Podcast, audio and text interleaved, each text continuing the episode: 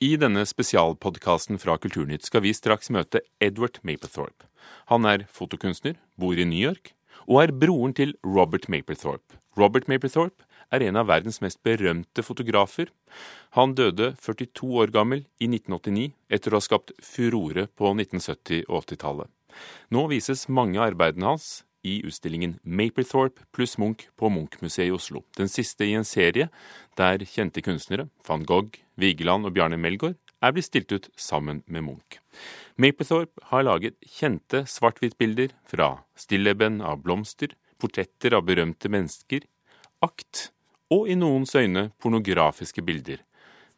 En enorm penis som velter ut av en polyesterdress, hans kanskje mest berømte motiv, og rå SM6 også.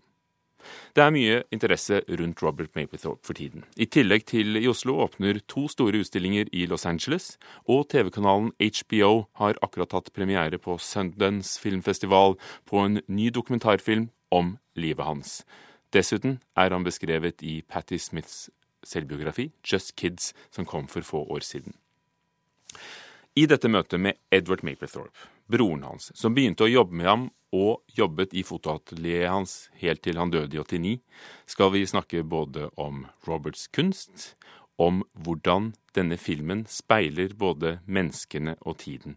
Så jeg begynner med å spørre Edward Mapplethorpe om han synes den gir et riktig bilde. Uh, yes, absolutely. I mean, um, once I decided to uh, participate in the film, I was very conscious of helping both the directors and the producers to uh, do an actual portrayal and, and an honest portrayal. Um, so I got quite involved um, in that production. And when I look at the film, uh, it's it's it's not an easy film to watch because it's uh, Robert's life is not necessarily a, a, a nice one. It's it's complicated life he led, but it's an honest life that he led, and um, I recognize myself and and uh, it brings me back to that that time and it's an emotional time and I, I think you'll you'll see that when you see the film. So I'll say a few words in Norwegian. Så altså, det er ingen lett film å se, sier Edward, fordi det var et ærlig liv, men et vanskelig liv, og det er fullt av følelser å gå tilbake og sette seg til den tiden. Men han ville bidra til at dette skulle bli et ærlig portrett. What about Robert's art? When you look at the pictures, do you see them differently today No, I don't. I mean, I started working with Robert in 1982, the early part of 1982. And even by that time, after studying photography my own, I was pretty, uh, I pretty much knew his work uh, quite a bit. And then working with him so closely and handling the prints and, and being in the darkroom and retouching the prints and mounting the prints, um, I have seen the work so often that um, it's hard for me to have a uh, a different opinion about the work even now. Now that it's uh, you know shown on the film. Han har også jobbet så tett med disse bildene og tatt i papirkopiene og, og, og, jobbet i mørkerommet at det er vanskelig å se dem annerledes i dag, selv når han ser dem nå uh, på filmen. There's always been a big interest in, in Robert's pictures, but there seems to be a renewed and enhanced interest with major exhibitions going on all over the place, also here in Norway, and this new documentary. What do you think is the strength in them that makes people want to see them in new settings all the time? Well, uh, a lot of history has has passed since uh, Robert passed away uh, 25 years ago, and society has changed. And I think it's it's time for the work to be revisited because now the impact of seeing the the the, uh, the, the work that's difficult to look at is is not as um, extreme as it was back in the late 70s and early 80s and before Robert's untimely death in 1989. And I think um, you know, with proliferation of social media and all of the uh, the pictures that are taken in society now, um, it, it, it's a good time to revisit the work and have a different perspective on it because um, uh, I think uh, it's important for people of the young the younger generation to, to look at the work and see how beautifully composed and what a master Robert was at uh, precision. And um, they can look at the, the, the difficult work with a new set of eyes. Vi kan se på disse arbeidene med nye øyne i en ny tid, for det har gått 25 år siden hans altfor tidlige eh, død, og vi ser styrken og kvalitetene. Edward Maplethorpe, as a photographer and artist yourself, having worked so closely both with with the pictures and your brother, do you think did he ever recognize your part in his art? Well, that's a difficult question, and the reason that's uh, a difficult question for me to answer is because Robert was never really supportive of my uh, my pursuing an art career. Um, very much like my father wasn't very supportive of Robert pursuing an art career, and that's always was perplexing to me. Um, but you know, as secure as one would think that Robert was with you know his talent, I mean, I think all people in some respect are um, insecure, and there was obviously some insecurity there. Uh, the, and and Robert never really encouraged me or supported that that uh, that lifestyle that I was leading or, or wanting, um, which you know I I I look at it in two different two different ways. In one way, I'm flattered because I think had I not had any talent, I don't think he he would have cared so much. But um, there was obviously concern, and it led to the point where he had asked me to, uh, if I was going to pursue a career in the arts, to change my name, which I did for for uh, a number of years, but that ended up being um, somewhat futile because everybody knew that it was Robert's brother anyway. So I did assume a pseudonym, Edward Maxey, and did exhibit for about 10 years under that name. Do you think the, the film gives a proper picture of both you and your relationship and his relationship to other people who contributed to his work? Uh, I believe it does, and I think that's why I said that it's it's a difficult. You know, it's it's difficult for me to say whether I like the film or not. Uh, yeah, yeah, I think the film is well done. Um, but it's a very honest portrayal of my brother. It's uh, one thing I can say is that it does highlight his um, ambition and his intense, intense belief in himself as an artist. I mean, the art always took precedent over everything else in his life, and uh, as a matter of fact, it was his life that was the ultimate art art that he created. Um, he was the first to say that the actual uh, photographs uh, were less important than the life he was living. Um, you know, once the photographs were done, he moved on to the next thing. So, um, the one thing that you can you can say about my brother, and I think the one thing that uh, should be held up in high standards is he was re- relentless in his pursuit of his art, and he was completely honest with um, those around him about his sexuality and about uh, his interests. Så han var altså dønn ærlig. Livet var selve kunsten og kom foran bildene. Når bildene var gjort, så, så, var det selve livsverket som var kunsten, men han var ikke god til å anerkjenne dem som hjalp ham. Selv ikke hans bror. Tvang ham til å bytte navn, som han gikk med på. Edward, what do you think he learned from you, and what did you take from him as mm-hmm. two artists who met, which you also were? Well, I mean, I certainly learned a tremendous, a tremendous amount from him. I mean, I had a basic understanding, and I had been trained in the photographic process prior to working with him. But uh, once you work as closely as uh, I did uh, with him, it's it's uh, it's uh, there's no way not to be influenced. I mean, I, I was in the it, it does seem emotionally rough, though. Det virker tøft.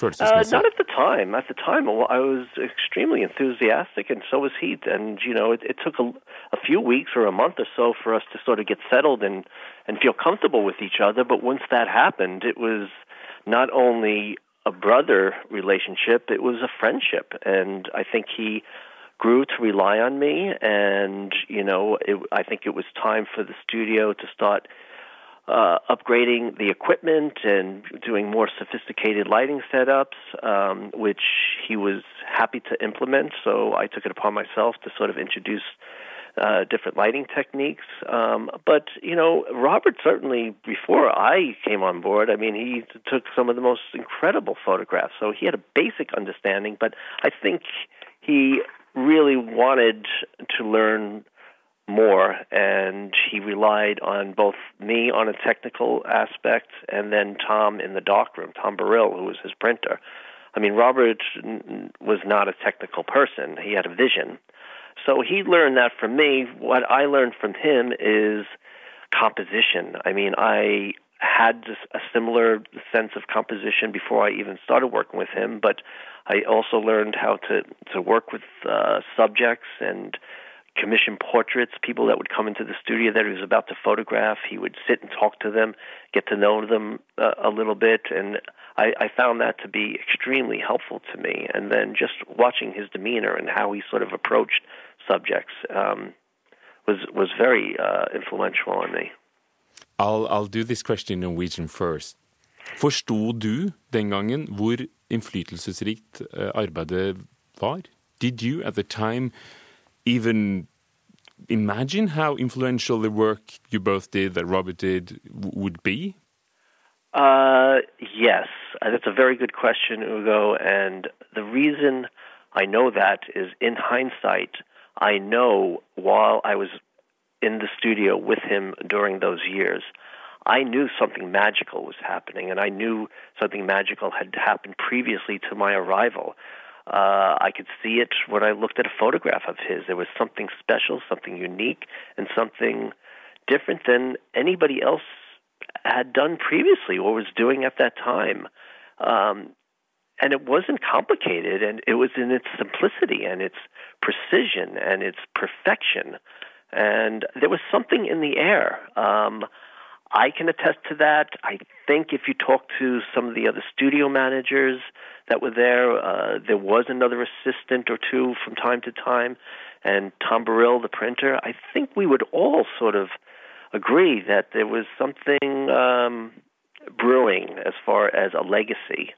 Um, I had no doubt. I had uh, gotten to know Robert before I worked with him, and in, in my conversations, I had no doubt that he was determined to be to leave a legacy. I mean, none of us, including himself, knew that that his life would be cut off so so short. But um, I mean, at 42 years of age, to have left us, left the world with such a, a an intense and amazing body of work is extremely commendable. And um, and something at very uh, I admire and I always will admire. I mean, he's my brother, and I love him not only as a brother but as an inspiration and as a mentor. Jeg vil alltid beundre ham og elske ham, sier Edward, ikke bare som bror, men som en læremester. I årene siden 1989 har Edward uh, utviklet sitt eget fotografi og sin egen kunst. Han lager abstrakte bilder med fototeknikk, Senere i år åpner en utstilling med Edwards arbeider i Berlin, og han skal gi ut en bok. En bok med det som har blitt noe av en spesialitet. Portretter av ettåringer. Det begynte ved en tilfeldighet for 21 år siden. I dag er det mange berømte mennesker i New York som lar barnet sitt portrettere av Edward Maplethorpe på ettårsdagen. Men dette er bare ett av mange uttrykk. Har han gått en helt annen vei enn broren? Mm -hmm. Have you gone a completely different direction? Uh, as a matter of fact, I have. I mean, I started exhibiting my own work uh, uh, shortly after Robert's death in 1990. I had my first exhibition, and that exhibition was work I had done all since since since college, so all through the 80s, and they were very much rooted in the Mapplethorpe tradition, in that there were portraits, nudes, and still lifes. I, I did very well with that group of work, but um, I realized pretty quickly um, that I wanted to have a, a career of my own and a longevity in the art world. So I needed to st- start finding my own voice. So I started photographing underwater uh, in 1992, and that removed me from the studio, put me in an environment that was completely foreign to me. And that work led on to much more conceptual and much more abstract pieces that I'm working on today. Now, that said, the the book that I am publishing, which comes out this spring here in America, is called One's Sons and Daughters, and it's 20 years' work of photographing children on their first birthday. Um, that is not something I really chose to do. It's something that sort of happened 20 years ago and fell into my lap and has become one of the most rewarding aspects of my career. Um, You've continued doing it that way. I suppose it has been a choice to make a, a whole project out of it. No, I didn't, and I often think that uh, artists' most successful work are, are works that sort of morph or uh, the, the sort of uh, work their way into your life and not something you decide to do. They just sort of like you know, I, I go into a dark room and I, I play and I experiment and I make a lot of mistakes until I see something that's sort of happening, and then all of a sudden I as I, I get excited, and then that leads to another thing. It's not something. So it's never something that I was like.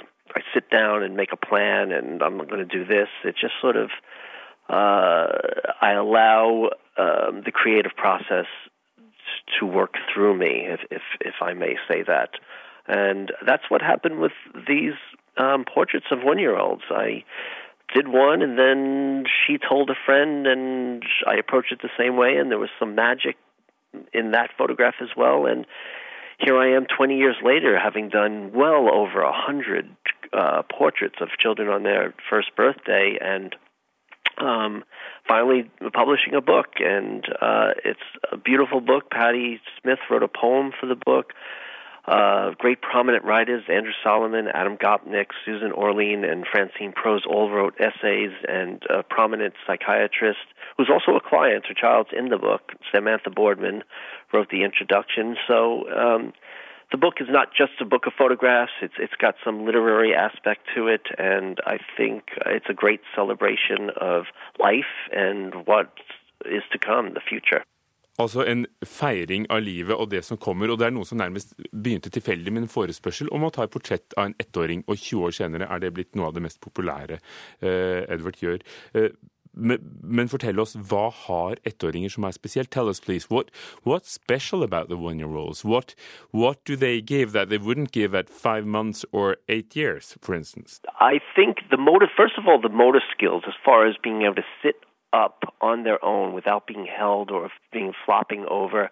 That sort of happens just about at that 12 month age. You know, certainly some children or that happens a little bit earlier and some children, but certainly by 12 months, children can sit up on their own. Um, and I think there's something magical about that time because the personality and the pe- person that they will become is already there. I mean, it certainly is somewhat there, you know, when they're born and those that within those first 12 months, but there's a there's a twinkle or a spark in the eyes of these children that and and that's what is different about my pictures. I think it's it's a window into their souls, and uh, I can't tell you how many times uh, a year, two, three years later, a, a parent will call me and say, "Wow, you know, I didn't realize, you know, but you caught something really um, particular about my child," and that's the that's why I said it's a, a very rewarding uh, part of my career. Is uh, you know,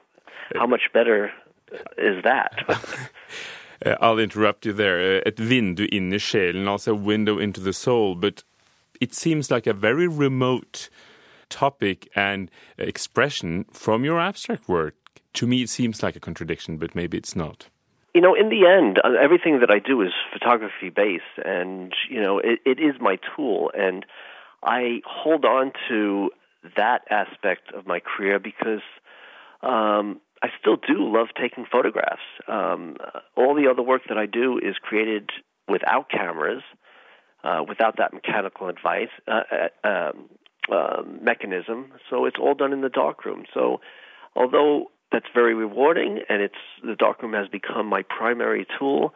I still am attracted to the camera, and I'm grateful that I I still have that aspect of my career that I can turn to when I want to pick up a camera. Um, but this book is also, I just want to point out, is particularly timely because um, I'm 55 years old, and I can say that um, I have a one year old child of my own now.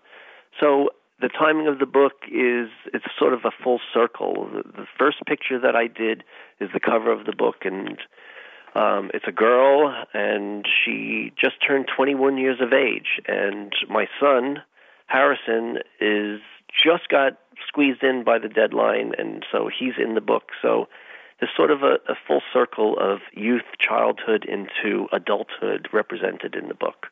Tilbake til broren, Robert Mapplethorpe. Nå er eh, Edward på vei til filmfestivalen i Berlin for å snakke om den nye dokumentarfilmen. Hva synes han om å se historien om broren og det som også er hans egen tid på film? When this film comes up and you, you travel to Europe, you travel everywhere to, to talk about your collaboration and, and Robert, what what do you feel? Does it make you happy or sad? What kind of emotions does it bring to you? Mm it's mixed. It's a mixed emotion. Um, I, I think when, when you do see the film, and I hope you do, uh, you'll see that it's.